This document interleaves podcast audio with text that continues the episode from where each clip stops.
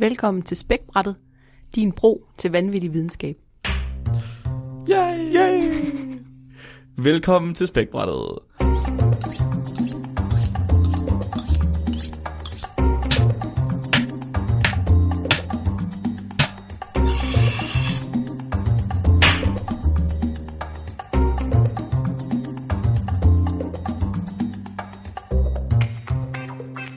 Velkommen til specialafsnit. Det er nytårsdag for jer, ikke for os, fordi vi optager det her i december. Åh oh, nej, det er nytårsdag. Det er nytårsdag. Ja. Og velkommen til dig, Cecilie. Tak. Hej. Cecilie, Hej. kan du fortælle lidt om, hvem du er? Jo, jeg er jo Flemmings kæreste og er med i dag, fordi Flemming skal fortælle noget om... Skal jeg sige det? Ja, du må hellere sige det selv. Okay, ja. Men Jeg har en hemmelighed. En hemmelighed. Hvad er det for en ja. hemmelighed, Flemming? Det er, at jeg har faktisk søvnparalyse. Søvnparalyse. Ja, jeg, lid, jeg lider af søvnparalyse. Okay. Og det, det gik op for mig den anden dag, at det her, det snakker jeg egentlig aldrig med folk om. Så nu tænkte du, så i stedet for at fortælle folk om det, så vil du bare tage det op på radioprogram. Ja. Ja, hvor alle kan høre det. Jamen, det er sådan lidt svært, fordi øh, nu er det lige sikkert, at alle ved, hvad søvnparalyse er. Mm. Men det bliver sådan lidt akavet, når man bringer det op og begynder at snakke om det. Fordi det er ikke sådan mega festligt. Mm. Det er heller ikke sådan mega sjovt, men det er meget sådan, jeg synes, det er meget interessant. Så det er ikke sådan noget, jeg ligesom bringer op om fredagsøllen og sådan noget. Så det bliver altid lidt akavet. Ja. Og det er, sådan, det er forbundet med mange mærkelige ting og sådan noget. Sådan Ja. Folk associerer det med alt muligt, det ikke er. Og så tænker jeg bare, at det kunne være en fin måde for mig at komme ud af skabet på, ved sådan også at fortælle dig det for første gang Ja. på den her måde. Ja. Det Og synes lige- jeg er en rigtig god idé. Og lige før, der sad jeg over på læsesalen over på, ved filosofi og religion, og fortalte en religionsstuderende om, at jeg skulle herhen og øh, snakke om søvnparalyse sammen med dig og Mark. Ja. Og hun synes, det lød helt vildt spændende, og overvejede faktisk at øh, sadle om til sit speciale, fordi hun Wow. synes, der var så mange øh, religionsrelaterede ting, man kunne tage fat i I omkring søvnparalyse. søvnparalyse. Hold op. Så det er i hvert fald noget, som, som de også synes er spændende over hos mig. Okay, det er virkelig cool. Ja. Så dagens afsnit, det bliver et specialafsnit, og vi, øh, vi er tre mennesker i studiet. Mig, Flemming og Cecilie. Og det hele, hele den dag, skal handle om søvnparalyse. Ja. Så nytårsdag bliver et specialafsnit, så hvis I har nogle virkelig, virkelig voldsomme tømmermænd, skal I ikke lægge jer til at sove, fordi det kan være, I vågner og ikke kan bevæge jer i sengen. Okay, så jeg tænker, at jeg vil fortælle om min oplevelse af det, altså hvordan jeg oplever det, og så bagefter gå i dybden med, hvad det er, eller hvad man mener, det er. Så helt kort, så er søvnparalyse det, at man vågner om øh, natten, man vågner fra sin søvn, og så er man paralyseret, og så er der forbundet med den paralysering hallucinationer. Hallucination. Hallucinationer, Ja. ja. Og, øh, og, og også nogle gange altså, øh, taktile følelser, altså så du kan føle, at du bliver berørt, og også altså, følelser generelt, som ikke er relateret til situationen, så det kan være meget, meget ubehageligt, og det kan også bare være meget mærkeligt. Mhm. Øhm, der er nogle mennesker, der har det, som har det så slemt, at de sådan bliver drevet til vanvid af det. Øh, mit, det er heldigvis ikke sådan, det er sådan lidt midt, midt imellem, tror jeg. Så første gang, jeg kan huske, at jeg har haft det her søvnparalyse, det der er omkring 10 år gammel. Mhm. Så øh, min familie bor på en gård på Tåsinge. Nej, Jo, nej, er det, nej? jo. Nå. Øhm, og den her gård, den har altid været i min familie. Så den har altså øh, ligget i Gammel Nyby førhen, indtil for 300 år siden, hvor min familie så flyttede den fra Gammel Nyby til Ny Nyby, sten for sten. Og øh, det var min tiboldefar, der gjorde det. Og så med bare sådan, så var det min oldefar, der overtog den og så videre, nu er det min far, der bor der. Og der har altid været sådan mange gamle, øh, creepy rum på den der gård. Mhm. Og, og der var 10 år gammel, der renoverede vi hele overetagen. Så det var deroppe, min farmor faktisk også har haft værelse, og hendes søstre. Så det, der rev vi hele lortet ned, byggede nye værelser, og så kom jeg derop sammen med min søster. Og efter det, så begyndte jeg at opleve, altså de første søvnparalyse, jeg kan huske. Og jeg kan huske, det, det, det første, der skete, det var, at jeg vågnede om natten. Jeg havde fået et ret stort værelse, sådan 30 kvadratmeter, og havde sengen over i det ene hjørne af rummet. Og jeg havde bygget sådan en, øh, en bar i sløjt. Og så den står nede for enden af min seng, og så vågner jeg, og så ser jeg bare inde i det her mørke rum midt om natten, at der sidder øh, tre mænd i den her bar. Der sidder tre mænd i baren. Ja, Ja. og de sidder sådan, øh, de lægger ikke rigtig mærke til mig. De, de sidder sådan og, og snakker sammen og hygger sig og drikker noget. Altså de har sådan, og de har meget gammeldags tøj på. ikke rigtig jakkesæt med sådan en blazer og bowlerhat, og, og sidder og, og har sådan en fest i samtale. Jeg kan ikke høre dem, men jeg kan se, at de sidder og snakker og rækker ind over disken efter ting. Og jeg kan ikke bevæge mig. Jeg ligger bare og kigger, det er sygt underligt. Altså, det er, jeg, jeg har åbne øjne, jeg ser ud i rummet, og de interagerer med de møbler, der står i rummet. Ja. Og så er det ligesom om, jeg langsomt begynder at kunne bevæge mig, og så fader de ligesom væk. Okay. Og så går jeg op og tænder lys, og så er der ikke noget. Men så det var ikke et decideret mareridt, eller hvad? Nej, det var ikke sådan, jeg var ikke, jeg var ikke sådan rigtig bange. Nej. Det var mere bare sådan, what the fuck. Jeg skal lige stille et opklarende spørgsmål. Kunne de rykke rundt på møblerne Nej, inden? Altså jeg så dem sidde på stolene Okay. i baren, men de flyttede ikke på noget. Okay, altså, så det var ikke sådan Okay. noget med, så kunne de trække stolene ud og sådan noget, eller hvad? Nej, altså de sad med noget i hænderne, men det Okay, forsvandt ja. ligesom sammen med dem. Nå, okay, okay. Så, så altså for mig føles det som om, at det er min hjerne, der placerede dem på møblerne i rummet. Ja. Okay.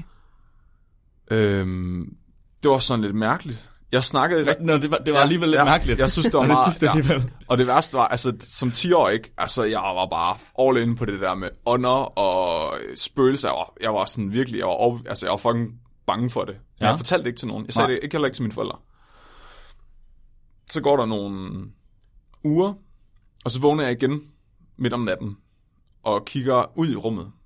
Og så ser jeg bare en hund, der kommer løbende hen imod mig med fuld fart. Og jeg hopper op, og så, lige det, så bider den mig i ansigtet. Altså jeg ser den springe op i ansigtet på mig, og så forsvinder den. Og så kan jeg bevæge mig. Wait, mens du sov? Altså jeg, jeg vågnede og kiggede ud i rummet, Ja. og så så jeg hunden komme løbende efter mig. What? I det jeg åbner øjnene, kommer den bare, så er den altså i sprint på vej mod mig. Og så springer den op og bider mig i ansigtet. Altså jeg kan ikke mærke noget, men jeg, jeg ser den gøre det, Ja. og så forsvinder den. Og så kan jeg bevæge mig. Fuck, man, jeg sidder her for kuldegysninger. Shit. Øhm, Så creepy. Er det virkelig, virkelig creepy? altså det var, det var sådan ubehageligt. Ja. Altså som barn, ikke? Ja. Jo. Hvor ens fantasi i forvejen altså, er helt ude af proportioner. Ja. Og, og, og, og det mest mærkelige er, at den, altså, de her ting, de ser lige så virkelig ud i rummet, som resten af tingene. Altså, mm-hmm. der kunne lige så godt have været en hund. Det eneste, der var sådan lidt øh, spøgelsesagtigt ved det, det var ligesom, at, den, at der ikke var noget lyd associeret med det. Så jeg kunne ikke høre, at den kom løbende, og jeg kunne se den lige så tydeligt, som hvis der var en rigtig hund. Okay, så du kunne faktisk ikke høre noget? Kunne du høre mændene? Nej, altså der var ikke nogen lyd Nej. øh, associeret med øh, tingene, jeg så. Altså jeg kunne godt høre lydene i rummet ellers, men de var også totalt lydløse. Okay. Så det var sådan det, det, var sådan det der gjorde, at jeg sådan rent intuitivt vidste, at det jo ikke var noget, der var der rigtigt. Mm, okay, okay, okay. Men det så lige så ægte ud, som hvis det havde været der. Det gør det faktisk også bare mere creepy, at der ikke altså, er nogen lyd Ja. ja. associeret med. Ja. Men det betyder De faktisk, det betyder faktisk, at du blev ret hurtigt klar over, at det ikke var øh, virkeligt. Ja, Fordi der er vel ret mange mennesker, som har søvnparalyse, som har svært ved at se, mærke forskel på det og virkeligheden. ja. Det, det tror jeg, der er. Ja. Altså, det er også mit indtryk. Fordi øh, nej. Det, det, jeg kender til søvnparalyse, det er i form af creepypasta på nettet. Altså sådan nogle Ja. Uhyggelige historier, hvor der som regel følger nogle billeder med til eller sådan noget. Ja. Og der fortæller folk om, at de ser sådan nogle øh, spøgelsesagtige monstre, right? Ja. Men at de kan høre lyde, og så hører de for eksempel øh, lydene fra The Grudge, de der kine, øh, japaner baby, eller hvad Ja. det var, som siger de der mærkelige knækkelyde. Ja. Ja, præcis. Ja. præcis. Øh. Øhm, Og, og, og der kan jeg godt forstå, at man virkelig, virkelig synes, det er uhyggeligt. Specielt hvis det er den samme person, man ser hver eneste nat, og man har søvnparalyse, som virkelig er slemt. ja. Så kan jeg godt forstå det. Jeg, jeg har snakket med flere, der har øh, søvnparalyse. Mm. Og jeg har aldrig hørt om nogen, der hører noget. Men Nej, okay. Ja, det er sjovt, det kommer jeg ind på lidt senere, det er, at øh, mange passager i Bibelen faktisk beskriver søvnparalyse meget nøjagtigt. Øh, blandt andet Abraham og Adam øh, beskriver faktisk søvnparalyse incidents, når Gud snakker til dem. Mark Lille er en meget glad lille skolepige lige nu. Ja, Det er bare... Prøv at, jeg tror, at indbegrebet spækbræt efterhånden er blevet konspirationer. Ja. Vi har, de sidste fem afsnit har vi haft konspirationsteorier med. Så Bibelen er bare en stor konspiration, og det hele er bare en stor søvnparalyse. måske. Muligvis. Okay. Men øh, det tager- tingene tager så en drejning en nat for mig, efter jeg har... Altså, der sker sådan... Jeg kan ikke huske så meget af, hvad der sker ellers. Jeg tror, jeg har vågnet og set nogle skikkelser, men ikke sådan noget, der har gået... Altså, det er ikke noget, der har printet sig ind i min hukommelse, så jeg virkelig kan huske det skarpt. Indtil Nej. jeg er 14 år gammel. Min søster, hun har holdt fødselsdag for familien, og øhm, mine øh, fætter og kusiner var meget små dengang, så de havde været oppe og lege på mit værelse, og der havde jeg fundet sådan en kurvestol frem, som jeg havde som barn, som så stod inde midt i rummet, Mm-hmm. foran fjernsynet, Mhm. med ryggen til, mod min seng. Så jeg vågner sådan om natten og kigger ud i rummet. Og jeg kan mærke, at der er et eller andet, der er med det samme. Altså, det var meget, meget anderledes, end det har været de andre gange. Så inden jeg så noget, der kunne jeg mærke, at der var noget i rummet. Det var virkelig en mærkelig følelse. Mm. Så det var som om, at der var nogen, der havde fundet altså knappen i min hjerne, der stod for frygt, og så bare trykket på den. Ja. Det var sådan, jeg var altså fuldstændig redselsangst, og kunne ikke bevæge mig, men jeg havde ikke set noget endnu. Eller hørt. Nej. Nej. Så jeg havde bare sådan en uforklarlig følelse af, øh, altså ren frygt.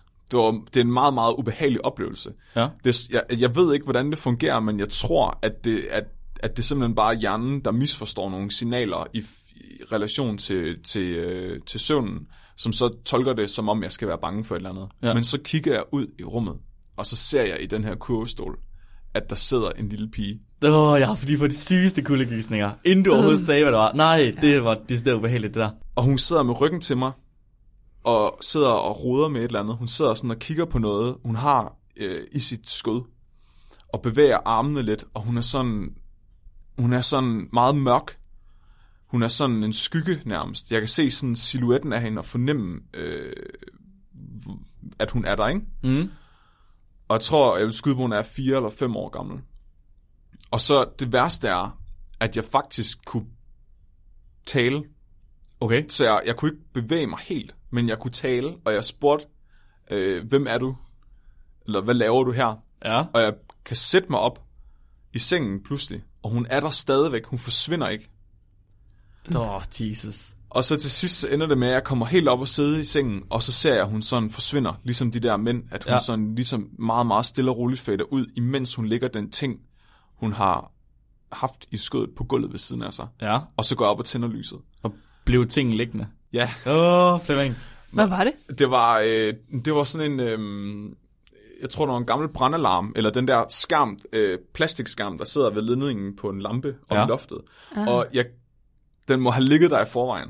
Jeg tror bare, Ja, ja, ja, min hjerne har lavet bevægelsen ned til at lægge den der, ikke? Ja. Ja. Jeg var så, der var jeg virkelig ude af mig selv. Og Åh, jeg, jeg, det kan jeg satme godt forstå. det var første gang, jeg snakker med mine forældre om det, så jeg, jeg går ned og vækker dem og fortæller dem, hvad der er sket, og de kigger bare her mærkeligt på mig. Bare tænkt, deres teenage sind, nu rappler det for ham. Ja, altså, jeg var, jeg var fuld. Jeg ville ikke op igen. Jeg ville ikke derop og sove igen. Det kunne jeg simpelthen ikke. Jeg var Nej. Overbevist om, at det var en eller anden dæmon eller et spøgelse eller sådan noget. Jeg var bare virkelig... Og også den der frygt der. Det var meget... Det er, meget, det er sådan... Det, det er svært at forklare, når man ikke har prøvet det. Mm. Men det er virkelig underligt at have den der intense frygt, uden den er associeret med noget. Det er som om, man ved, der kommer et eller andet. Den blev vel også hængende i kroppen i lang tid. Ja, ja. Jeg Altså var, kraftig en frygt. Ja, ja. Mm. Altså, så det endte med, at jeg, at jeg bare var så... Mine, mine forældre, de var virkelig trætte af det. Så de var sådan, du skal gå i seng, det findes mm. ikke, du har bare drømt det. Og jeg var sådan, nej, jeg har set, der sad noget inde i rummet. Om, altså, det endte med, at jeg var så insisterende, at jeg fik lov til at sove på gulvet inde i min forældres soveværelse, eller på Okay. sofaen eller sådan noget, jeg kan ikke huske det. Det var sådan virkelig, altså jeg ville bare ikke derop igen. Nej. Og efter det, så, så blev jeg virkelig bange for at sove alene inde i det der rum. Jeg, jeg kan huske, jeg havde en, meget, altså en periode på flere år, hvor jeg næsten ikke sov, fordi jeg, hver eneste gang jeg lukkede øjnene, så var jeg bange for, at der var noget inde i rummet, så jeg blev ved med at åbne dem. Så det var sådan altid, når jeg skulle falde i søvn om aftenen, blev jeg ved med at ligge og åbne øjnene, indtil jeg faldt i søvn. Mm-hmm. Og jeg turde heller ikke sove med ryggen ud mod rummet, så, så jeg sov altid med ryggen ind mod væggen, så jeg kunne se, hvad der var derude, og der ikke kunne komme noget bagfra. Det var sådan virkelig... Øh, øh. Selv mange år efter, da vi to mødte hinanden, der var det stadigvæk en ting, at du ikke kunne ligge med ryggen til Ja. døren Ja. i det lokale, vi sov Okay. i. Ja. Altså, det var jo alligevel... Op. temmelig nogle år senere. Så, Ja. så det, er, det er faktisk noget, ja, det har hængt vir- virkelig, virkelig længe, eller hvad? Ja, men jeg har stadigvæk, ja. øh, altså det, det er lidt pinligt indrømme, ikke, men jeg har stadigvæk altså, svært ved at sove alene. Det Ja. har, jeg, jeg, jeg, jeg, jeg, nogle gange sover jeg med lyset tændt, når Cecilie ikke er hjemme. Fordi, Okay, altså, jeg, og jeg ved godt, at det er irrationelt, men alligevel, altså, det gør så stort indtryk på mig. Ja. Og så på et eller andet tidspunkt, så, så, så begynder det at blive rigtig slemt. Fordi så begynder jeg at få mareridt også, der er associeret med de her ting, jeg ser. Mm. Så jeg begynder at få nogle drømme om en, øh, en skyggekvinde. Så hun er sådan, hun er ikke et barn. Jeg kan helt sådan beskrive, hvor gammel hun er, men hun er sådan en ung, langhåret øh, kvinde med sådan en kjole på. Og man kan, jeg, kan aldrig, jeg har aldrig set hendes ansigt, men hun er fuldstændig sort. Og øh, den der frygt, den er altid associeret med hende. Den kommer altid først, og så kommer hun. Okay, og jeg, jeg ja. havde de samme drømme igen og igen med hende, hvor hun prøver at, at slå mig ihjel. Og jeg vågner altid, inden hun får fat i mig. Når hun begynder så at manifestere sig i min søvnparalyse også. Så jeg ser hende, øh, når jeg vågner, hvor hun meget, meget, meget stille og roligt begynder at komme hen mod mig. Uh. Og det, Så klamt. hun bevæger sig ikke rigtigt. Hun er sådan lidt, altså, det er meget ligesom man ser i film efterhånden, at hun er sådan vægtløs. Så det er ligesom om hun er under vand eller et eller andet. Hendes kjole, den sådan hænger meget i luften. Og hendes hår ligger ned, men det er ikke, det er sådan, det er som om vinden rører ikke rigtig ved det. Og så svæver hun bare ligesom hen ad gulvet mod mig. Uden at bevæge sig. Hun kommer bare tættere og tættere på, meget, meget langsomt. Og jeg når heldigvis altid at vågne, inden hun kommer derhen. Og så sker der også første gang, at jeg mærker noget. Så jeg har, indtil nu har jeg ikke kunnet mærke noget, øh, når det sker. Så jeg har kun set ting. Men der er en nat, hvor jeg vågner ved at have armen ud over kanten af sengen. Oh. Og så Man ved bare, hvad der skal ske. Ja, ja. Øhm, lige pludselig, ud af mørket, så mærker jeg bare en anden hånd, der griber fat om mit håndled nede fra gulvet. Og den tager bare fat af sådan virkelig, altså det er en voksen mand, som bare tager fat rundt om min arm. Altså det føles lige så virkeligt, som når jeg sidder og holder min, om min egen arm lige nu. Og jeg kan ikke se noget. Det er helt mørkt inde i rummet, fordi jeg har sådan nogle mørklægningsgardiner. Så jeg, jeg ligger bare og kigger på mit håndled og kan mærke, det er der, men jeg kan ikke se den. Var, var du stadig 14 der? Øh, Eller har du været lidt ældre? Eller hvad? Jeg har været 15 eller 16. Okay, men ja. det var sådan relativt kort tid efter. Ja, ja. Okay, ja. Øh, og jeg, jeg begynder at, jeg kan faktisk bevæge mig. Ja. Så jeg lægger mig om på siden og prøver at kæmpe imod øh, den der følelse, og trækker alt, hvad jeg kan. Og så lige pludselig giver den slip efter 10 sekunder, Ja. og så løber jeg bare op og tænder lyset, og så er der ikke noget. Oh, Jesus. Ja, og så, så stopper det ligesom lidt efter det, indtil, jeg, øh, indtil mig og Cecilie, vi flytter sammen. Okay, så det stoppede faktisk? Ja, Efter, efter ham manden, der har fat? ja. Så har du nogensinde overvejet, hvad det måske kunne være, der tog fat i dig? Altså, om det, om det er øh, psykosomatisk, altså noget, du har tænkt dig til, eller om det har været dig selv, eller et eller andet? Altså så, øh, det, det har ikke været mig selv, Okay. fordi jeg havde min anden arm fri. Og det Mhm. var også vinklen, den kom med, var fra under sengen. Mm. Nå, men jeg tænkte sådan lidt, at hallucinationer kan jo gøre meget, så selvom det du følte, det var, at den kom ned fra under sengen, Ja. og at du følte, at din anden arm var fri, og at du har kæmpet med den, så har du måske siddet og holdt fast i dig selv. Der er folk, der slår sig selv, og kommer, altså, kommer op og slås med sig selv, ikke for at lave en reference til Ja, Fight Club, men uden, uden, at, uden at vide, at det dem selv ligesom er, Ja. er i gang med at slås med. Øhm, nej, altså jeg er ikke i tvivl om, at det ikke er mig selv. Okay. Fordi jeg var, jeg var ved bevidsthed. Jeg var Mhm. helt vågen. Ja. Og jeg, ret hurtigt efter det bevægede jeg mig også op og tændte lyset. Så Mhm. jeg havde sådan kontrol over, hvor min kropsdel var. Ja, okay. Men jeg har været inde og læse rigtig meget om andre, der har søvnparalyse. Og det er åbenbart meget almindeligt, at man mærker ting uden at se noget. Hold op, okay, ja. Så for eksempel er en af de mest almindelige ting, at man ser øh, en skikkelse, der kravler op på ens bryst. Ja, det er den, jeg har hørt om. nemlig. Ja. og lægger sig med knæene ned i ens bryst, og så bare begynder at kvæle en. Og det er som regel skikkelsen af en sort kvinde. ja, lige præcis. Ja. Og jeg har, jeg har set nogle dokumentarer om det, efter jeg ligesom opdagede, at det var det, jeg havde. Og den her skikkelse, og den her ting med, at, at hun kravler op på ens bryst og begynder at kvæle en, er noget, der har været dokumenteret helt tilbage til det gamle Grækenland. Og har været sådan en del af myter overalt på jorden. Og det er stadigvæk meget almindeligt, at det er det, folk ser og oplever. Mm-hmm. Og det er også deraf ordet mareridt faktisk kommer fra. Det er fra en figur, man kalder Maren, mm. som ligesom er den her skyggekvinde, der sætter sig på ens bryst og kvæler en. Og det er derfor, man er blevet rit. Altså hun rider en, ikke? Ja, ja, så det er ja. mareridt. Og der er også nogen, der har seksuelle følelser involveret, hvor de føler, at de bliver voldtaget. Og man mener det, det er, at ideen om øh, incubies kommer, som er sådan nogle dæmoner, der voldtager folk, mens de sover. Og jeg havde faktisk en, øh, en ekskæreste, hvis mor troede virkelig meget på ånder. Og hun beskrev for mig, at hun vågnede om natten og ikke kunne bevæge sig, og mærkede, at der var en ånd, der voldtog hende. Og jeg tænkte bare søvnparalyse lige med det samme. Men jeg, altså, det var ikke noget, jeg kunne snakke med Nej, hende. nej, selvfølgelig. nej. Det var også sådan, at hun var overbevist om, at hun blevet voldtaget af deres spøgelse. Og jeg har også læst om, at, at det er altså også tit med alien abduc- abductions og sådan noget, der beskriver det også, de vågner og føler, at der er noget, der voldtager dem. Hvor jeg tror, jeg tror simpelthen, det handler om, at hjernen får så mange signaler, som ikke giver mening, når man sover, at den så prøver at få det til at give mening ved at sige, det er en voldtægt det her, Mhm. mm-hmm. eller det er et rumvæsen der, eller det er en alien, eller det er en engel. Ja, efter man er vågnet. Så prøver man sådan at skabe mening i den oplevelse, man har haft. Ja, og det er Altså, også, ja. ja, præcis. Og, og jeg tænker, visuel hallu- hallucination er lige så sandsynlig som en taktil eller en auditiv. Ja, selvfølgelig, ja. Det er lidt, det er lidt vildt, at ens sanser kan forråde en på den måde, var. Ja, Altså, Ja. Så, så ikke nok med, at, man, at ens frygtcenter går fuldstændig amok, og hjernen begynder at smide hormoner ud, men også det, at de nerveceller, eller de nerveender, man har til at sidde nede omkring huden, altså ved hænderne for dig, Flemming, og Ja. så det er kønsdelene for nogle kvinder, eller hvad det nu er der, men det er oplevet godt, at de rent faktisk begynder at, at reagere. Ja, sende signaler og bare... Det er jo sindssygt, at ens krop den bare øh, har- har misforstået tingene så meget, at den begynder at sende signaler og lave sådan, det er en masse forskellige molekyler, de skal sende ud, ikke? Ja. og producere, og der sker så mange ting. Det er vildt, at, ja. At det kan ske. At Mens kroppen man bare sover. måde. Mens man bare sover. Ja, ja. Det er, jo- og det er jo sygt, altså man, man kommer virkelig til at tænke over, hvor meget af ens virkelighed, der virkelig bliver skabt inde i ens hoved, mm-hmm. og ikke ude i verden omkring en. Ja, oh ja, ja det, nej, det, det var faktisk det er jo ikke lige selv at tænke på her.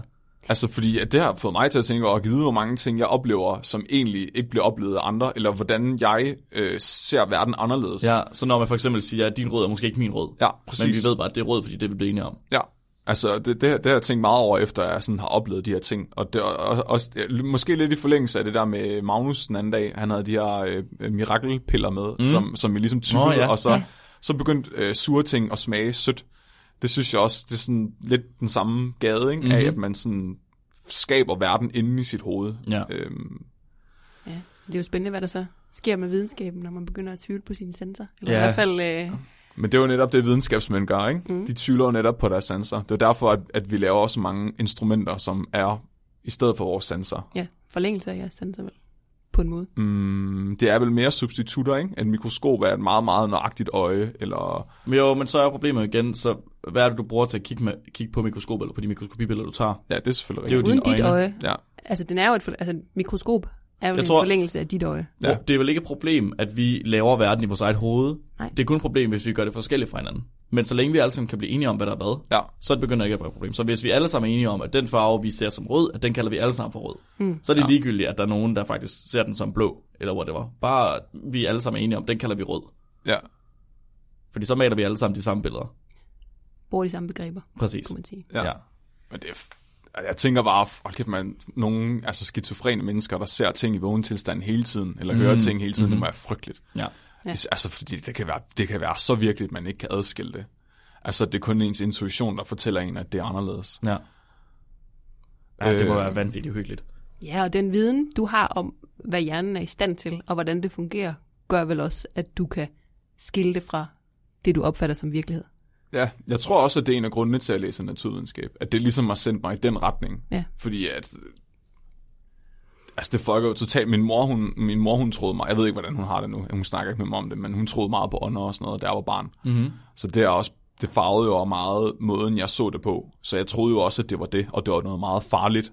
Så det var ligesom om, jeg fik noget, øh, noget consolidation i form af at finde ud af, at det egentlig kan forklares med videnskab Mm, mm, i ja. et vist omfang. Og så tror jeg bare, at jeg har brugt det til at verificere alting omkring mig.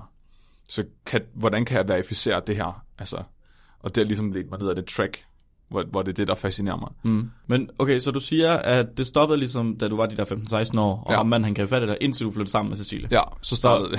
Så nu, Cecilie, Så blev det spooky igen. nu er det, nu er det din Cecilie. ja. Hvordan Ja. har du oplevet det? Jamen, øh, jeg tror, at det startede sådan relativt kort tid efter, at vi var blevet kærester, ja. at, øh, at du begyndte at, at få de her søvnparalyser igen. Og jeg kan huske første gang, du fortalte mig om, at du havde haft det. Altså, der ville jeg bare have, at du skulle stoppe. Jeg ville bare have, at du skulle tige stille og lade være med at sige mere, fordi det lød så fucking creepy.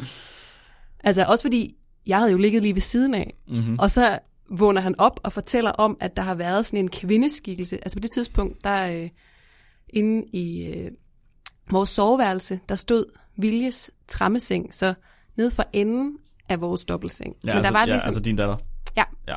min datter. Ja. Og der var ligesom sådan en lille bitte mellemrum mellem den der trammeseng og så vores dobbeltseng. Mm-hmm. Og der beskrev han så, at der havde hun ligesom stået den her sorte, mystiske, creepy kvindeskikkelse.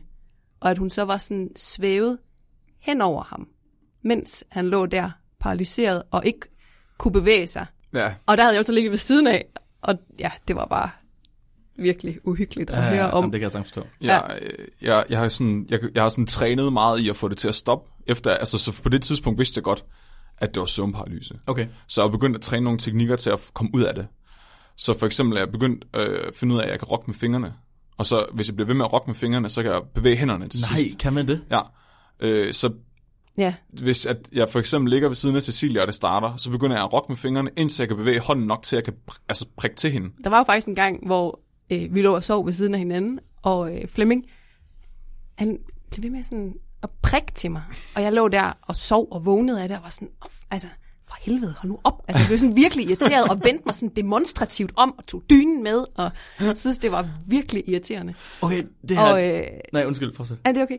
Og så, øh, altså næste dag, fortæller han mig så, at han var i gang med at have sådan en søvnparalyse, og at den der, de der skikkelser ligesom stod henne ved døren, og han prøvede på at få mig til at vække ham. Mm-hmm. Men det var jeg ikke klar over. Nej, nej. Så jeg blev bare skide irriterende og Ja. tænkte, hvad fanden er han for et pattebarn, der ligger og prikker til mig, mens jeg sover? Altså, så hold dig rundt om mig, i stedet for eller et eller andet, eller sådan, jeg ved ikke, hvad jeg tænkte. Men jeg synes, det var så irriterende. Nej. Og han har bare desperat ligget der og brugt.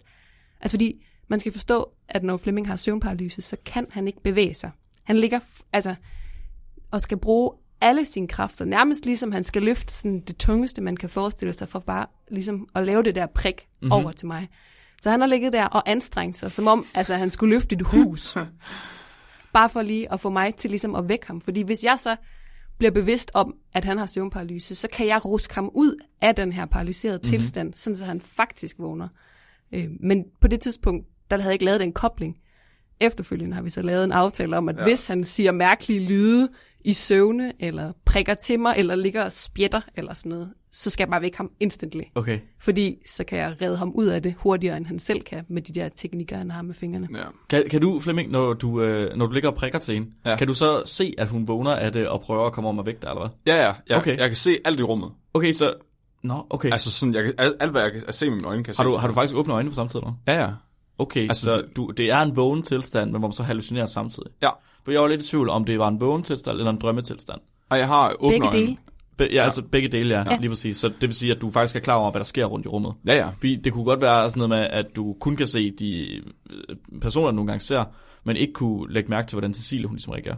Jo, jeg kan Så se. det første, når hun vækker dig, er du sådan, wow, okay, det er jo faktisk virkeligheden der. Det er, altså, det er fuldstændig ligesom at være vågen. Okay. Fuldstændig det samme. Og jeg har også samme øh, bevidsthed. Det er Ja. ikke sådan, at du, du ved, den der mærkelige logik, der er i drømme og sådan noget, den eksisterer ikke. Altså, jeg er fuldstændig vågen. Det er helt Okay, det samme. ja, ja, ja. Øh, Jesus, mand. Okay, jeg, ved ikke, jeg ved ikke med lytterne derhjemme, men jeg har det ligesom, når man ser en gyserfilm, og alle de der stadier, man går når igennem, man har introen, hvor man ligesom bliver introduceret på det her, det her uhyggelige og, og det fremmede, ikke? hvor man ligesom sidder, og så får man gåsehud over, hvor uhyggeligt det er. Så lige pludselig, så kan man mærke, okay, så bliver protagonisten klar over, hvad er det, der er galt, og hvad er det, man skal gøre. Og så prøver de ligesom at kæmpe for at komme fri af det. Flemming, der sidder og rokker med fingrene. Og så endelig, når det lykkes, hvor han kommer fri af det, sådan, åh, jeg var gåsehud af det. Det er sindssygt. og så dør man. Og så dør man. Sådan altid, de slutter Det, det, det, det er, med hun ikke det. vækker dig. Ja. Ja. Men det er faktisk... Jamen, det er virkelig... Det er en meget, meget ubehagelig følelse. Jeg kan også godt tydeligt huske dengang, hvor jeg lå og prikkede til dig. Så det, jeg så... Øh, hun stod ligesom over i døren og kiggede over på mig. Hun stod i dørkammen, og hun stod bare og kiggede på mig. Den der frygt var bare fuld oven, inden jeg så hende også.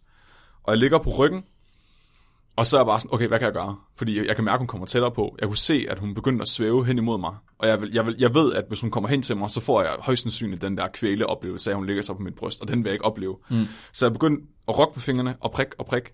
Og det føles, altså det, jeg blev helt, jeg fik ondt i kroppen af det. Altså jeg brugte alle mine kræfter på det. Jeg er sådan øm hele dagen bagefter, når, når det sker. Du har også nogle gange fortalt om, altså det tit, det sker i sådan nogle loops om formiddagen, hvis. Ja. du ligger og sover længe, at så vågner du og har de her søvnparalyse, og falder i søvn igen, og vågner og har ja. Søvnparalyse, og falder i søvn igen flere gange, hvor du så, når du står op, der måske halv 11, ja. Hvor du måske har ligget i et par timer og haft de her loops, ja. Er fuldstændig udmattet, selvom du har sovet 10 timer eller noget. Ja, men jeg bliver helt... Jeg Altså bliver, helt smadret. ja. Det sådan udvikler sig, så det er blevet mere advanced nu. Så jeg begyndte at se uh, hende der, den sorte skikkelse, rigtig tit, uh, da jeg flyttede sammen med Cecilie. Og den værste gang, det var uh, en formiddag, hvor jeg lå og sov længe. så uh, er det, det er sådan vinter, så det er stadig mørkt.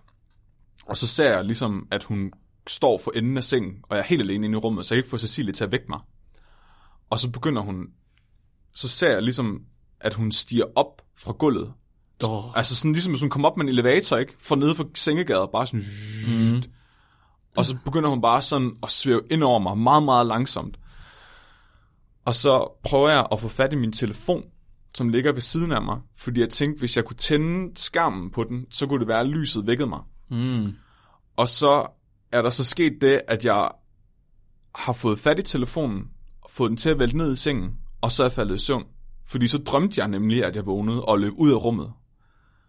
Og så vågner jeg fra drømmen, og så står hun der igen i, Nej! i virkeligheden. Og det var sådan, så- men jeg, og jeg ved, jeg har været vågen, fordi jeg kunne se, at jeg havde taget telefonen fra vindueskarmen over i den anden ende af sengen i et forsøg på at tænde den. Så det er sådan hele tiden Oh. og nogle gange tager det flere timer, hvor jeg, jeg ser hende og prøver at komme væk, og så falder jeg i søvn, drømmer at komme ud af det overstået, og så sker det igen.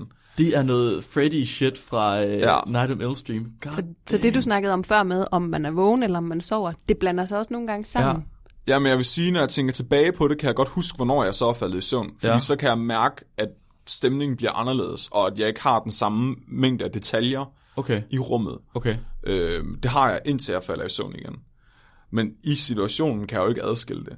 Øh, ja, så, Er, er, du, er du sikker på, at du er vågen nu? ja. Det er ikke bare en drøm, inden næste søvnperiode kommer. dun, dun, Hvor detaljeret dun. er det her lydstudie egentlig? Ja, ja. Shit. Jeg har, okay, jeg har flere spørgsmål. Ej, jeg har virkelig mange spørgsmål der. Ja, bring it. Kan du se hendes ansigt? Mm, ikke detaljer, Nej. men jeg kan fornemme, hvor hun kigger hen. Så jeg okay. Kan fornemme, hun kigger på mig. Okay. Jeg, har, jeg ved den der følelse af nogen, der ser på en. Ja. Blikket. Ja. ja. Øhm, men hun er heller ikke sådan helt sort. Altså sådan, jeg kan, jeg kan godt se folder i hendes kjole, og sådan, jeg kan godt fornemme hendes hår, men mm. jeg, jeg har aldrig set hendes ansigt før. Nej, okay. Har du egentlig øh, nogle intentioner om, eller nogle idé om, hvad hendes intentioner er? Altså, øh, min følelse er, at hun vil slå mig ihjel. Okay. Øhm, jeg, jeg gik meget i terapi i en periode. Ikke fordi jeg sådan er blevet sendt til terapeut, men mere fordi jeg synes, at det var sådan måske værd at arbejde med. Og finde ud af, hvad fanden det er. Så jeg betalte selv for at gå i terapi, og sådan, øhm, fandt også en terapeut, der faktisk selv led af det. Øhm, og der findes, altså det er sgu lidt noget hokus pokus, det der, hvad det egentlig går ud på. Altså, øh, der er nogen, øh, Jung, øh, en af psyko, Psykoanalytiker. ja, mm-hmm. psykoanalytiker, han mente, at kvinder ofte ser mandlige skyggeskikkelser i deres drømme, som jager dem, og mænd ofte ser kvindelige skyggeskikkelser, som jager dem. Okay, så jeg mente sådan lidt freudisk-agtigt, eller? Ja, han var Freuds elev, faktisk. Ja, okay. øh, så Bingo. Ja. ja, hans, hans teori var ligesom, at vi har en, en del af vores selv, som vi fortrænger, som vi får at vide igennem vores opvækst og gennem samfundet, at den her del af os er ikke i orden. Og den projiciterer vi så ind i den her skikkelse, så for, kvind, så for mænd for eksempel kan det ofte være, hvis altså, de kvindelige sider af dem selv bliver mere fortrængt, hvor ved kvinder er det omvendt. Så han oplevede gennem terapi med nogen, der havde de her frygtelige incidents, at hvis han fik dem til at embrace den kvindelige side af dem selv for eksempel, så ville de opleve, at det forsvandt og sådan noget. Men det er jo så ikke tilfældet for dig, Flemming. Nej, Altså, nej. Så det... det har du prøvet. Ja. Hvad, hvad mener du med det, Mark? Jeg vil sige, jeg er ikke helt solgt på ideen. Det føles som noget andet, det her. Altså, Mhm. det... Men man kan sige, når man, når man bliver så desperat, som du jo i perioder har været, fordi det har været ja. noget, der fyldt rigtig meget, og det har forbundet med rigtig meget angst, og du er blevet enormt udmattet og træt af de her søvnparalyse øh, oplevelser, så er det jo klart, at man tyr til alle mulige Ja. øh, redskaber, eller hvad man skal sige, alle mulige måder for at få det til at blive mindre på, Mm-hmm. ja. Jeg har... og øh, prøve at udforske, hvad det er, og hvad man kan gøre ved det selv. Ja. Jeg, øh, altså, måden jeg dealer med det nu, det er sådan... Jeg, jeg lader være med at sove længe. Ja, okay. øh, så når jeg, hvis jeg vågner, så, går jeg, så står jeg op. Ja. Det, eller jeg skal ikke have de der formiddage der, hvor det sker. Nej. Og så, øh, hvis jeg vågner om natten, når det sker, så jeg bare være med at åbne øjnene. Okay, det virker simpelthen. ja. Nå. Altså, jeg får frygten, Ja. og jeg får følelsen af ikke at kunne bevæge mig. Men du får ikke øh, øh, fornemmelsen af, at hun kommer hen i kvæld, eller hvad? Jo, Okay, men jeg ser hende ikke, og så er det ligesom, ah. om Ah. det ikke er lige så slemt. okay. Øhm, Wow, okay, det, det fucker lige mig op. Så selvom du lukker øjnene og ikke kan se hende, ja. Så kommer hun faktisk i godsøjen stadig hen og sætter sig på dig og kvæler dig. ja, altså jeg... Det er rimelig fucked up. Det, det, det får næsten mig til at tænke, at hun stadig er der. Ja, Altså, altså, om ikke det er der. Ja, ja. jeg vågner og kigger op i loftet, og så kan jeg mærke, at den er gal. Lige med det samme. Så kan jeg mærke, at hun står der. Så lukker jeg bare øjnene, og så venter jeg bare på at falde i søvn igen. Jesus. Det er bare den nemmeste måde at deal med det på. Fuck, det er sindssygt. Altså, ellers så vækker, hvis jeg kan, så vækker jeg Cecilie. Øh, Hvor ofte har du det nu, for eksempel? det er um, en gang, to, tre gange om året eller sådan noget. Nå, også- okay, så det er blevet mindre nu. Ja, i perioder, så er det sådan flere gange om ugen. Okay. Jeg tror, det her handler om, om, om jeg sover godt. Ja. Så for eksempel i, tit i eksamensperioderne, hvor jeg er stresset, at jeg har det. Ja. Og så dengang, jeg tror, det blev triggeret af, at jeg flyttede sammen med Cecilie, fordi Vilje, hun var så lille, at hun vågnede flere gange i løbet af natten. Så min Ja, søvn... meget afbrudt søvn. Ja, Ja. Og det er også en af teorierne om, hvorfor folk får det. Altså, Okay. at det er associeret med afbrudt søvn. Og jeg tror også, at det har været... Jeg ved ikke, om jeg havde været stresset i skolen på det tidspunkt, eller et eller andet som lille. Og Nej, jeg tænker også, ja. at ja, Øh, Flemming, du sagde, at det manifesterer sig forskelligt ved folk, og din manifestation er også skiftet ja, efterhånden. Så ja. Først så så du øh, mænd, og så så du en lille pige, og nu er det skiftet over til, at det faktisk er hende der, Maren. Ja, Right? ja, Efter at du måske har researchet i hende, tænker jeg. ja. Tror du måske, at de manifestationer, der kommer, altså de hallucinationer, man får, det kommer an på, hvad man betragter som uhyggeligt? Ja, fordi, og det har jeg faktisk tænkt på, fordi øhm, jeg var inde og se Paranormal Activity 4, Ja. og det er fandme en dårlig film. Ja. Virkelig dårlig film. Øh, men der er en sort spøgelse med, som øh, ligesom er i sådan en røgsky. Sådan CGI-spøgelse, ikke? Og, og der er en scene med i filmen, hvor den der røgsky, den ligesom rejser sig, og så bliver til den der sorte skikkelse. Okay. Og nogle uger efter, der havde jeg et søvnparalyse incident, hvor jeg så hende, den sorte skygge, gøre det Okay. med røgskyen. Ja, ja. Hvor jeg bare var sådan lige med det samme, okay, der er det bare min hjerne, der fucker med mig. Ja, sådan. Men jeg ja. var stadig bange, altså jeg havde stadig følelsen. Selvfølgelig, ja, ja. men, men det, det gik meget op for en der, eller meget op for dig der, at det her, Ja. det er bare, fordi Ja. min hjerne, den er fuck, altså, Ja. okay. Øhm, og så, men åh, det værste er, at det er ligesom, hver gang jeg overvinder det, så bliver det smartere. Mm. Så det, det her det er den værste incident, jeg nogensinde har haft. Det var mig og Cecilie, vi var øh, på efterårsferie uh. i Sverige, Får jeg det helt dårligt. Og øh, Cecilies mormor, hun har sådan et sommerhus i Sverige, og det er en gammel øh, rød træhytte, der ligger midt ude i en grænskov. Der er ikke engang altså, vand. Der er en pumpe og et das, som skal tømmes i skoven. Ja, Okay. Det er Hold op. meget primitivt, Ja. og det er langt uden Ja. for landets lov og ret. Ja. Det ligger midt ude i en fucking grænskov. Og når det er mørkt der, så er det bare mørkt. Og hvis du skal øh, på toilet eller noget, så skal du ud i den der sorte skov der. Og der lå vi så og sov i det samme rum. Mig og Cecilia Vilje. Og så øh, Vilje, hun vågnede tit og skulle ud tisse om natten. Og det skete så også der, at Cecilie øh, stod op med Vilje og skulle gå ind med hende uden for at tisse. Og jeg vågner jo selvfølgelig, da det går ud, fordi Vilje, hun... Jeg skal tisse! Så altså, vågner jeg, og så ligger lå i jeg... den samme seng, alle tre. Ja, ja, Ja. Okay. Og så ligger jeg og kigger ud i rummet, og så øh, hører jeg, jeg ser dem stå op, og jeg ser dem gå ud, og jeg ligger bare og venter på, at de kommer ind igen. Og så ligger jeg ligesom der og kigger, og jeg kan ikke rigtig bevæge mig. Og så lige pludselig, så hører jeg Vilje skrige Nej. øh, udenfor. Altså sådan virkelig dødsskrig, som om, at hun altså er ved at blive slået ihjel, eller at der er nogen andre, der er ved at blive slået ihjel. Og så bliver jeg bare stille. Og så hører jeg Cecilie komme tilbage, og så ser jeg hende komme ind i rummet alene. Og så ved jeg, ved, jeg har søvnparalyse. Så prøver at, skri- jeg prøver at råbe, altså prøver at lave lyde, fordi hvis jeg prøver at skrige min lungers fulde kraft, så bliver det måske sådan noget, Ja, ikke? Altså, ja. Så jeg prøver at for, fortælle Cecilia, at jeg er søvnparalyse, så hun kan vække mig. Og hun kigger på mig, sådan, og så går hun meget, meget mekanisk hen til sengen, og kravler op ved siden af mig, og jeg, jeg ser hende lige så tydeligt, som da hun gik ud. Og så sætter hun sig ved siden af mig, og begynder at prøve at prikke med min hånd, som jeg plejer at gøre. Men så er det som om, hun sætter sig sådan meget mærkeligt ved siden af mig, sådan på knæ, og så kigger hun bare på mig, Oh. altså sådan fuldstændig døde øjne, og så kommer hendes ansigt bare tættere og tættere på mit, indtil hun sådan er lige foran mig. Og så drejer hun bare Ej. Ej. sådan hovedet til side, hvor hun sådan betragter mig. Uh. Og så kom hun rigtigt ind i rummet. Og det så du? Ja, og så forsvandt skikkelsen ved siden af mig. Det var fucking klamt. Men vil det sige, at den lyd, du hørte fra Vilja af, den var ikke rigtig, eller? Nej. Nej, Hvor, så var det vi var første bare gang, ude at tisse ud i sneen. var det første gang, du nogensinde havde hørt lyd så? Ja, det må det være. Ja, det tænkte jeg også lige Ja. på, at der var der alligevel sket et skift der. Ja, så ja. hørte du pludselig noget. Ja.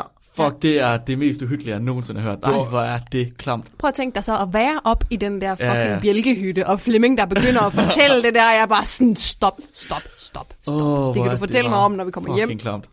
Ja. du blev virkelig sur, da jeg snakkede om det. Jamen, jeg, jeg, skulle, jeg ville have, du skulle stoppe, ellers så ville jeg dø af skræk. Ej, Ja. fuck, man. Det er virkelig, virkelig også klamt. Også fordi det var mig, der var den uhyggelige. Ja, Ja. hvad, Altså- ja, hvad sker der for det? Det var også sådan meget, for det er første gang, jeg har set skikkelsen så, altså en skikkelse så tydeligt. Altså, jeg kunne se hende fuldstændig som, da hun gik ud. Altså, Ja. jeg kunne ikke se forskel overhovedet. Men du kunne ikke bevæge dig. Var det derfor, du vidste, at det var søvnparalyse? Eller hvad? Var du bevidst om? Jeg at, tror først, det gik op for mig, det var søvnparalyse, da det begyndte at dreje hovedet. Men du Okay. sagde, at du prøvede at skrige for at få hende til at vække dig. Ja, fordi jeg tænkte, at skyggekvinden ville komme. Nå. Så jeg var bange for... Men, men så Men- du vidste godt, det var søvnparalyse, inden hun kom ind og drejede hovedet. Altså, du troede bare ikke, det var hende, der var emnet. Ja, ja Okay, præcis. ja. Jeg lå faktisk og ventede på, at skyggekvinden ville komme. Ja. Så jeg mm. håbede bare på, at Cecilie ville nå tilbage indenfor, Ja. inden at hun kom. Ja. Og det gjorde hun jo så. Og Men det var i den kontekst, ikke? Og det var Men også, så var det så bare ikke mig. ja. Ja. fuck, det er klamt. Men det var også sådan den der oplevelse af, at du så kom rigtigt ind i rummet. Og, hun, og så kigger jeg over på dig, og så er hun væk. Altså, du, eller du er væk, ikke? Altså, det var virkelig... Åh, det fuckede med min hjerne. Spøgelsesmig var væk. Ja. jeg kan godt forstå, at det ikke var altid til dig. ja, det var ikke mig, det var, det var altså ikke mig. Det var altså ja. det var altså ikke mig. din fantasi. ja. Okay. Så øh, jeg har faktisk for ikke så længe siden snakket med min mor om det her. Mm. Igen, sådan retrospekt, ikke? Fordi Ja. Og spurgte hende sådan, hvad hun tænkte om det der øh, med, jeg ikke ville sove op på min værelse og sådan noget dengang. Og hun var det, de troede bare, jeg havde meget Men så fortalte hun mig noget fucking creepy. Og det var, at dengang jeg var lille, sådan 3-4 år gammel, så sagde hun, at de nogle gange vågnede om natten ved, at jeg skreg af min lungers fulde kraft inden for mit værelse af. Ja, og der vil jeg gerne lige sige, at dengang, der havde Flemming jo værelse inde i det rum på familiegården, Nej, stop. hvor når nogen døde, når nogen i familien døde, så blev de lagt ind i det der rum og båret ud af vinduet. Det var en tradition i familien Damgaard Nielsen der, Fuck, I er så sindssyge, Flemming. at øh, når nogen døde, så skulle de ligge derinde Ja. og dø, og så blev de båret ud af vinduet ind i det lille rum, hvor Flemming og hans søster havde værelse. Ja. Der, Jeg, lå under det, jeg lå faktisk I det hjørne, ved det vindue. ja. Ja. Inde i det rum. Ja. Stop. Jeg ved i hvert fald med sikkerhed, at min tiboldemor og min tiboldefar og min tip-tiboldemor har ligget og døde inde i det rum. Og så var det jo, ja, Ja, så min mor, hun fortalte, jeg fortalte så, at jeg vågnede om, altså de vågnede ved at lå og skreg derinde. Og så sagde hun, at de kom ind, og så lå jeg øh, med armene over sengegæret, og lå bare sådan og ruskede i det, og skreg og kiggede bare lige ud i luften. Og de kunne overhovedet ikke komme i kontakt med mig. Altså, de kunne sådan prøve at vifte armene foran mig, og sådan noget, og fuldstændig ude, og de sagde, at nogle gange var det så slemt, at jeg sked i bukserne. Nej. Jo. Og det sjove er, at jeg, eller ikke sjove, men jeg kan huske, jeg kan huske så meget fra dengang, jeg havde det værelse, andet end jeg vågnede om morgenen med følelsen af, at jeg var glad for at være i live.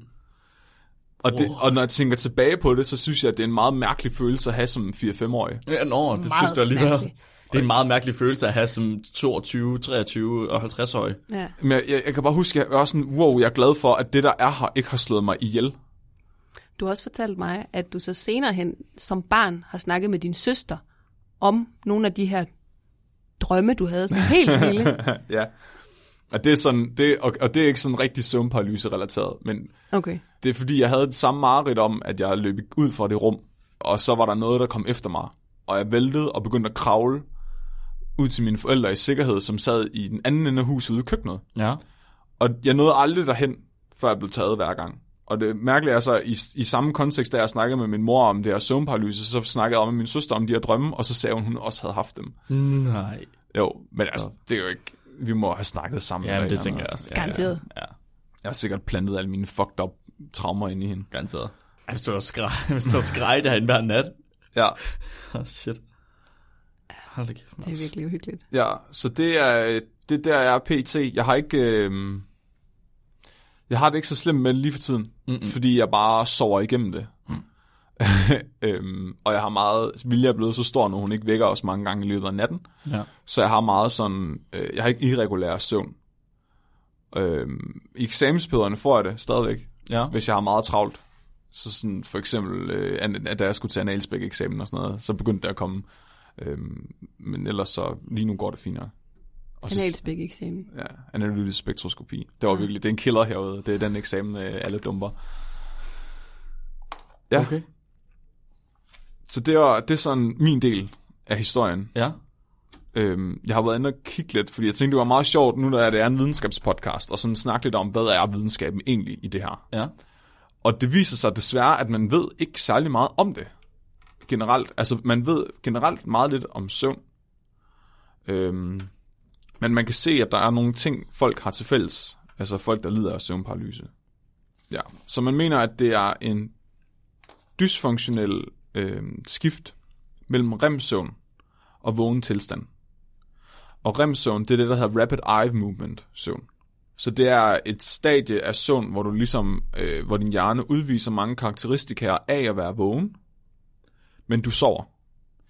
Og det er også der, hvor ens øjne de bevæger sig meget rundt, der er navnet. Og man ved faktisk ikke, hvorfor ens øjne bevæger sig så meget. Man tror, at det er fordi, man prøver at se de ting, man drømmer.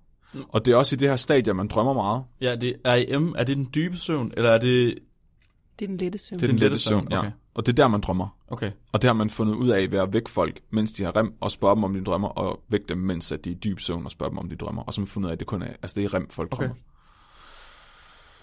Yes, og der er ligesom de her cykluser igennem natten, hvor man starter med at være vågen, så går man ned i remsøvn, hvor man stadigvæk har sådan lidt, altså man drømmer, hjernen den kører stadigvæk, og så går den ligesom gennem fire stages, stage 1, 2, 3 og 4, hvor man kommer i mere og mere dyb søvn, hvor hjernen ligesom stille og roligt begynder at i gåsøjne slukke, og lave det, den gør, mens man sover, mm-hmm. og oprense affaldsstoffer fra i løbet af dagen, og langtidshukommelseslæring osv.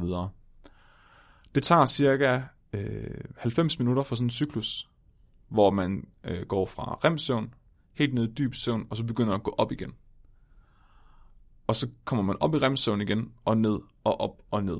Og det er sådan 4 til fem af de her cykluser, man har i løbet af en nat, mm-hmm. hvis du sover de der mellem 6 til 9 timer, som du skal.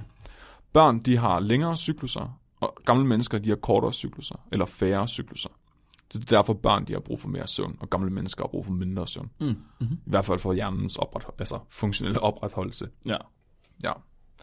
Så man mener, at søvnparalyse er et resultat af, at man vågner, mens man stadigvæk er i rem, og at man så ikke kan lave det der skift fra rem-søvn til vågen tilstand ordentligt.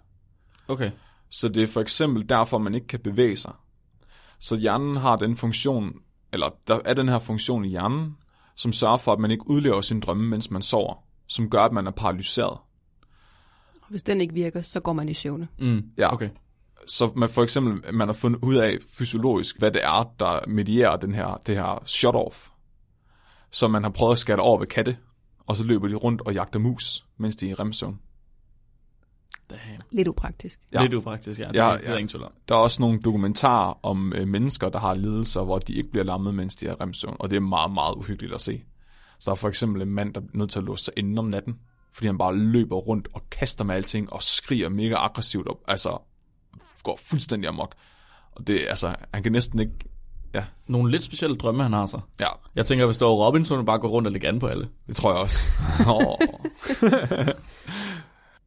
altså, det, det, det er den gængse teori. Det er, ja. At man så ikke kan lave det her skift, så det er derfor, man stadigvæk er lammet. Og har du stadigvæk de her øh, random spurts af signaler i hjernen, som kommer af, at du ligesom laver læring af langtidsudkommelse, og din hjerne ligesom rydder lidt op, og så er det, din, at du prøver at få det til at give mening, og det er så det, der bliver din drømme.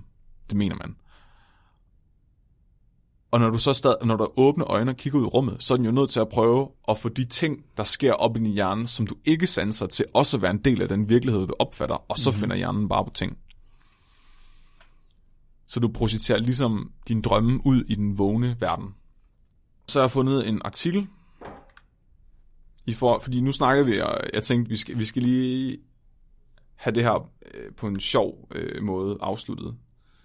Nu når det har været så uhyggeligt. Ja, det, det er virkelig øh, det er virkelig en anden stemning, vi har i studiet, end vi plejer. Det er der slet ingen tvivl om. Ja. Men det, er- det, er, det er super, super interessant. Sådan helt åndssvagt interessant. Jamen, det, Både at få historien fra en person, der rent faktisk har det, men også fra en, der ligger lige ved siden af, Ja. right? Og skal hjælpe, skal Ja, ja. redde ham fra ligesom at- Ja, ja, og vi bliver nødt til sådan i vores parforhold at lægge strategier for, at jeg, okay, hvis klokken er over halv ni Ja. om weekenden, så skal jeg gå ind og vække Flemming, Ja, fordi ellers ja, ja. så ligger han bare og looper der, måske. Ja. Ikke? Jeg har altid tænkt, når man har øh, været hjemme med dig, Flemming, og sove, og så øh, altså, vi andre, vi, hvis vi, det kommer an på, når man vågner, jeg gør, hvis man vågner lidt tidligt, og så ligger Flemming der og sover, så ah, vi lader ham skal bare sove. Så laver vi noget kaffe til ham, så vågner han nok af sig selv. Ja. Det har vi jo så lært nu, det skal man ikke. Det skal så man man skal være bare med. gå ind Ja. og hælde den der skoldhed kaffe i hovedet på ham, så han Yes. vågner af den der søvnparalyse. Og der skal nogle gange noget til, fordi han har nogle gange også lidt svært ved at vågne. Okay. det her er meget Ja. svært ved at vågne. Ja. Ja. Altså, der er tændt lys, og ja, godmorgen. Det er virkelig B-menneske. Øh, jeg har fundet en artikel, der hedder Sleep Paralysis, Sexual Abuse and Space Alien Abduction fra Harvard Bam. University. Så er vi tilbage på sporet. Så er det tilbage Yes. igen. Det var godt. Ja, og den, den, er, den er fra et journal, der hedder Transcultural Psychiatry. Okay, så de har taget to studier. Det ene, der er det 10 individer, som har rapporteret, at de er blevet bortført af aliens, og at de mener, at, øh, at der er en korrelation mellem det her og søvnparalyse. Ja. Mhm. Og så øh, i et andet studie, så er det voksne mennesker, som rapporterer, at de har fået minder tilbage fra childhood sexual abuse. At der er en korrelation mellem folk, der kommer i tanke om, at de er blevet øh, seksuelt misbrugt som børn, også har søvnparalyse. Okay, det fik jeg formuleret meget underligt. Så de, det er et studie, der finder en korrelation mellem folk, der rapporterer, at de er blevet bortført af aliens. Det viser sig, at de faktisk også har søvnparalyse i større grad end den almindelige befolkning, og det er det samme med folk, der kommer i tanke om, at de er blevet seksuelt misbrugt som børn, også Okay, oftere ja. oplever sex, øh, hvad det, søvnparalyse. Ja, så de prøver at finde ud af, er, er de her claims her en effekt af søvnparalyse? Ja. Ja. Så de interviewer de her mennesker og øh, hører om, øh, hvordan de her incidents bliver beskrevet, om hvordan de vågner, de er lammede, de er bange, de kan mærke, de bliver øh, voldtaget, de kan mærke, de bliver undersøgt af aliens, det kan være, at de ser en engel. Der er faktisk, øh, altså, der er faktisk en, der rapporterede, at hun havde set en engel inden over sig i sit rum, uden at kunne bevæge sig.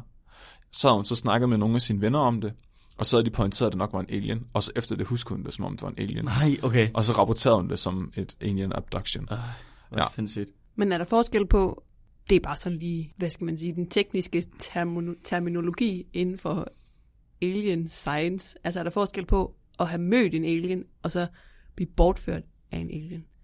Ja, og det er så det, at de kommer ind på i studiet. Okay, Så de siger, at øh, måden, de har fundet de her alien abductees på, det er øh, gennem annoncer, gennem kollegaer, som har undersøgt dem i tidligere studier, og så folk, de kender.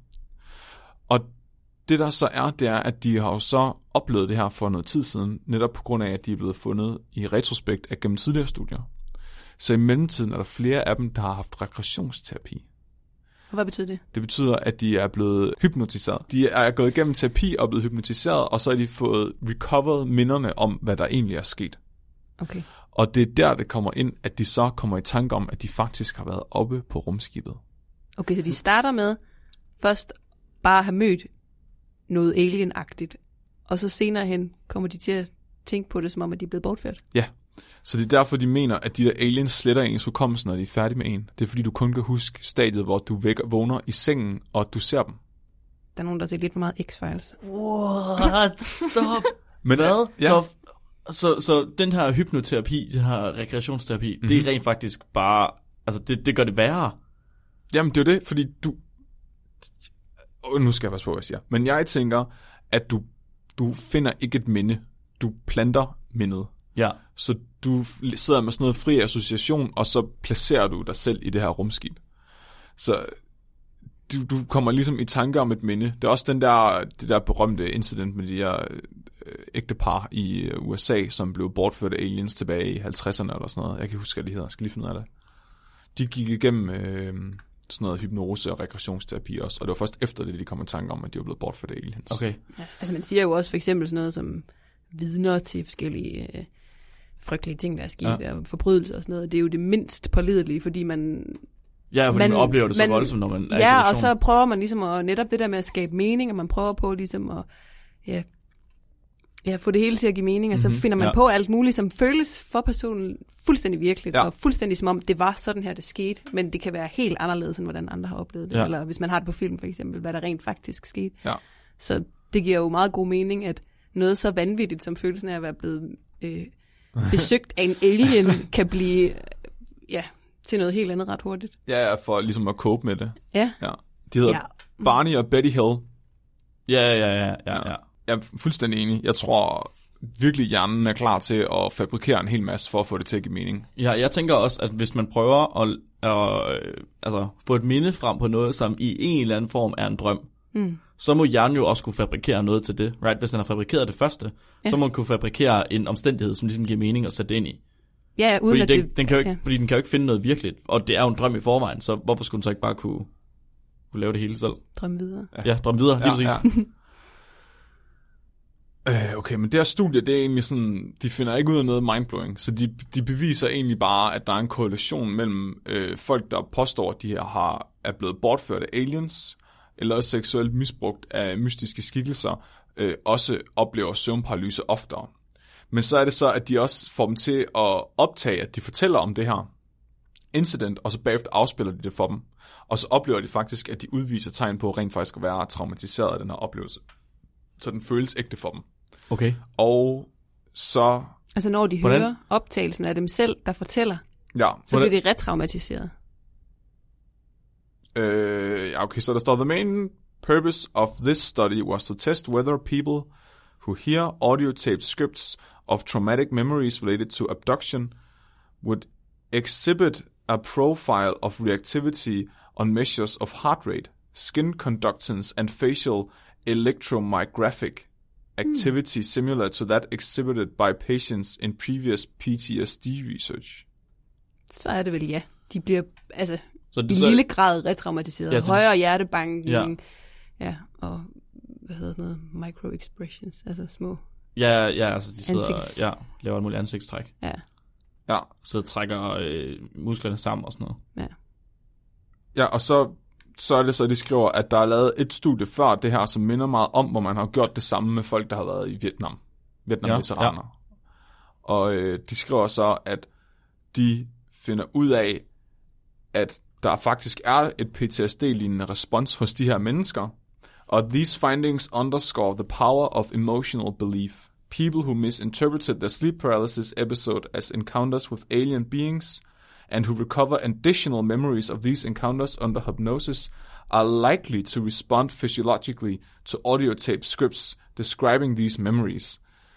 Så de føles faktisk også ægte for dem. Ja. Men har de så sammenlignet det med folk som dig for eksempel, der godt ved, at det er søvnparalyse?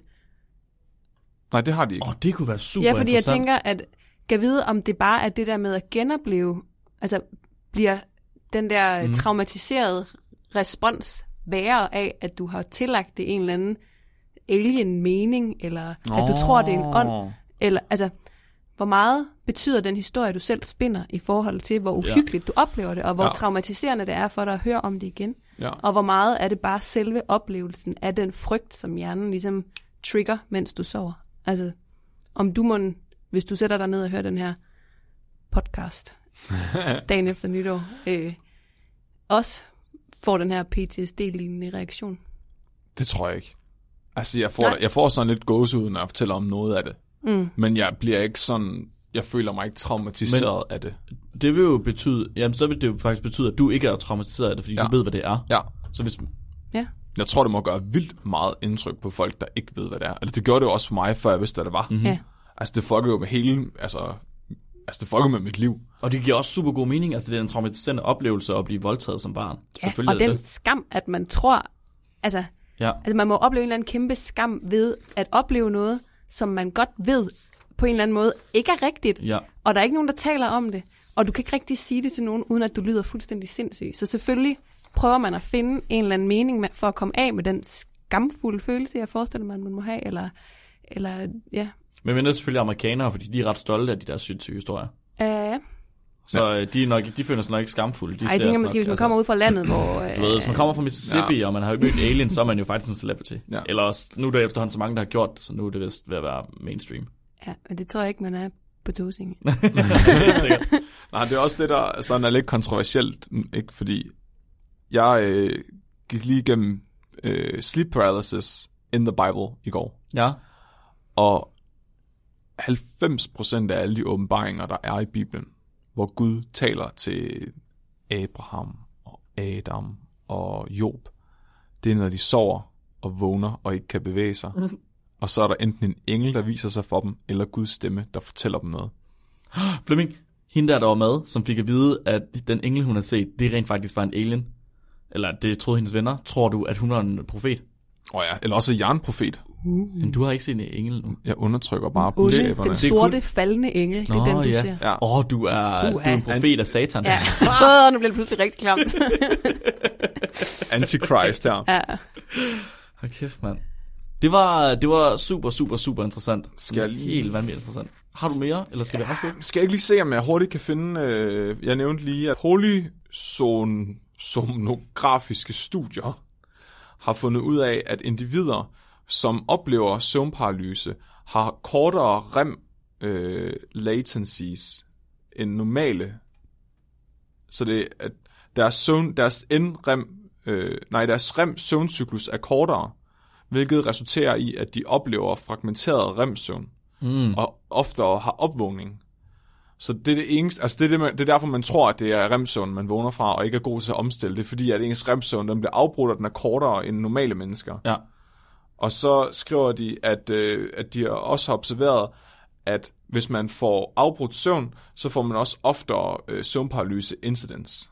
Fordi man får fragmenteret sin remsøvn, øh, hvad kan man sige, kunstigt, og ikke kun altså, biologisk. Yderligere. Ja. Ja, ja. Ja. Så det provokerer det også. Og så er man også, ja, så er der en masse studier, der er lavet, som viser, at folk, der får frarådet remsøvn, også øh, dør, og hvor vigtigt det er, og så der nogle, nogle teorier om de her hallucinationer og så, sådan noget, at det er netop at drømmetilstand, der bliver projiceret ud, men at det stadigvæk er noget, man ikke ved. Man ved ikke, hvorfor folk oplever det med sikkerhed. Det er bare teorier. Så man kan godt, man kan godt sige, der er et eller andet fysisk, der foregår her. Det er ikke divine intervention, mm. eller nogen dæmon, der prøver at slå mig ihjel. Det er bare min hjerne, der er dårlig. Det er bare Flemmings der er dårlig. Og med den, der synes jeg, vi skal afslutte. Skal vi ikke det? Jo. Det er bare Flemmings der er dårlig. Tusind tak, fordi uh, du var med, Cecilie. det var så lidt. Det var virkelig, virkelig interessant at høre uh, fra begge sider, right? Ja. Og uh, tak til Flemming, fordi du gad fortælle os om det. Det var også ret interessant. Selv tak. Ja, og så, øh, så skal vi bare afslutte. Så godt nytår til alle lytterne derude. Glæder til meget mere spækbrættet. Vi fortsætter selvfølgelig, ligesom vi plejer. For evigt. køb, noget, køb, noget, køb noget af vores grej, og øh, del vores ting med jeres venner. I kan finde alle links nede i vores beskrivelse. Og så, øh, Husk at købe nogle penge til os. ja, det vil vi også gerne have. Og så husk at være dumme. Tak for besøget, Cecilie.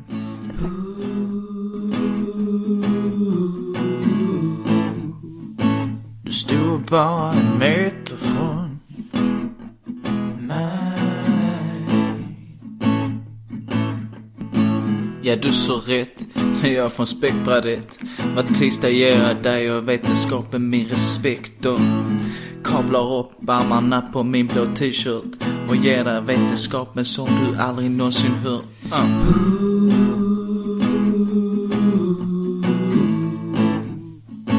Vi har också kaffe, koppar Fuck, det sej. Och det är koppar som Mark designat själv. Gör nu dig en tjänst, se till att köpa en.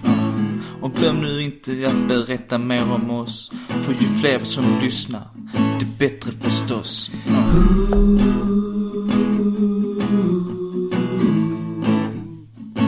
Din bro till vetenskap. Mhm. Späckbrädet Ja,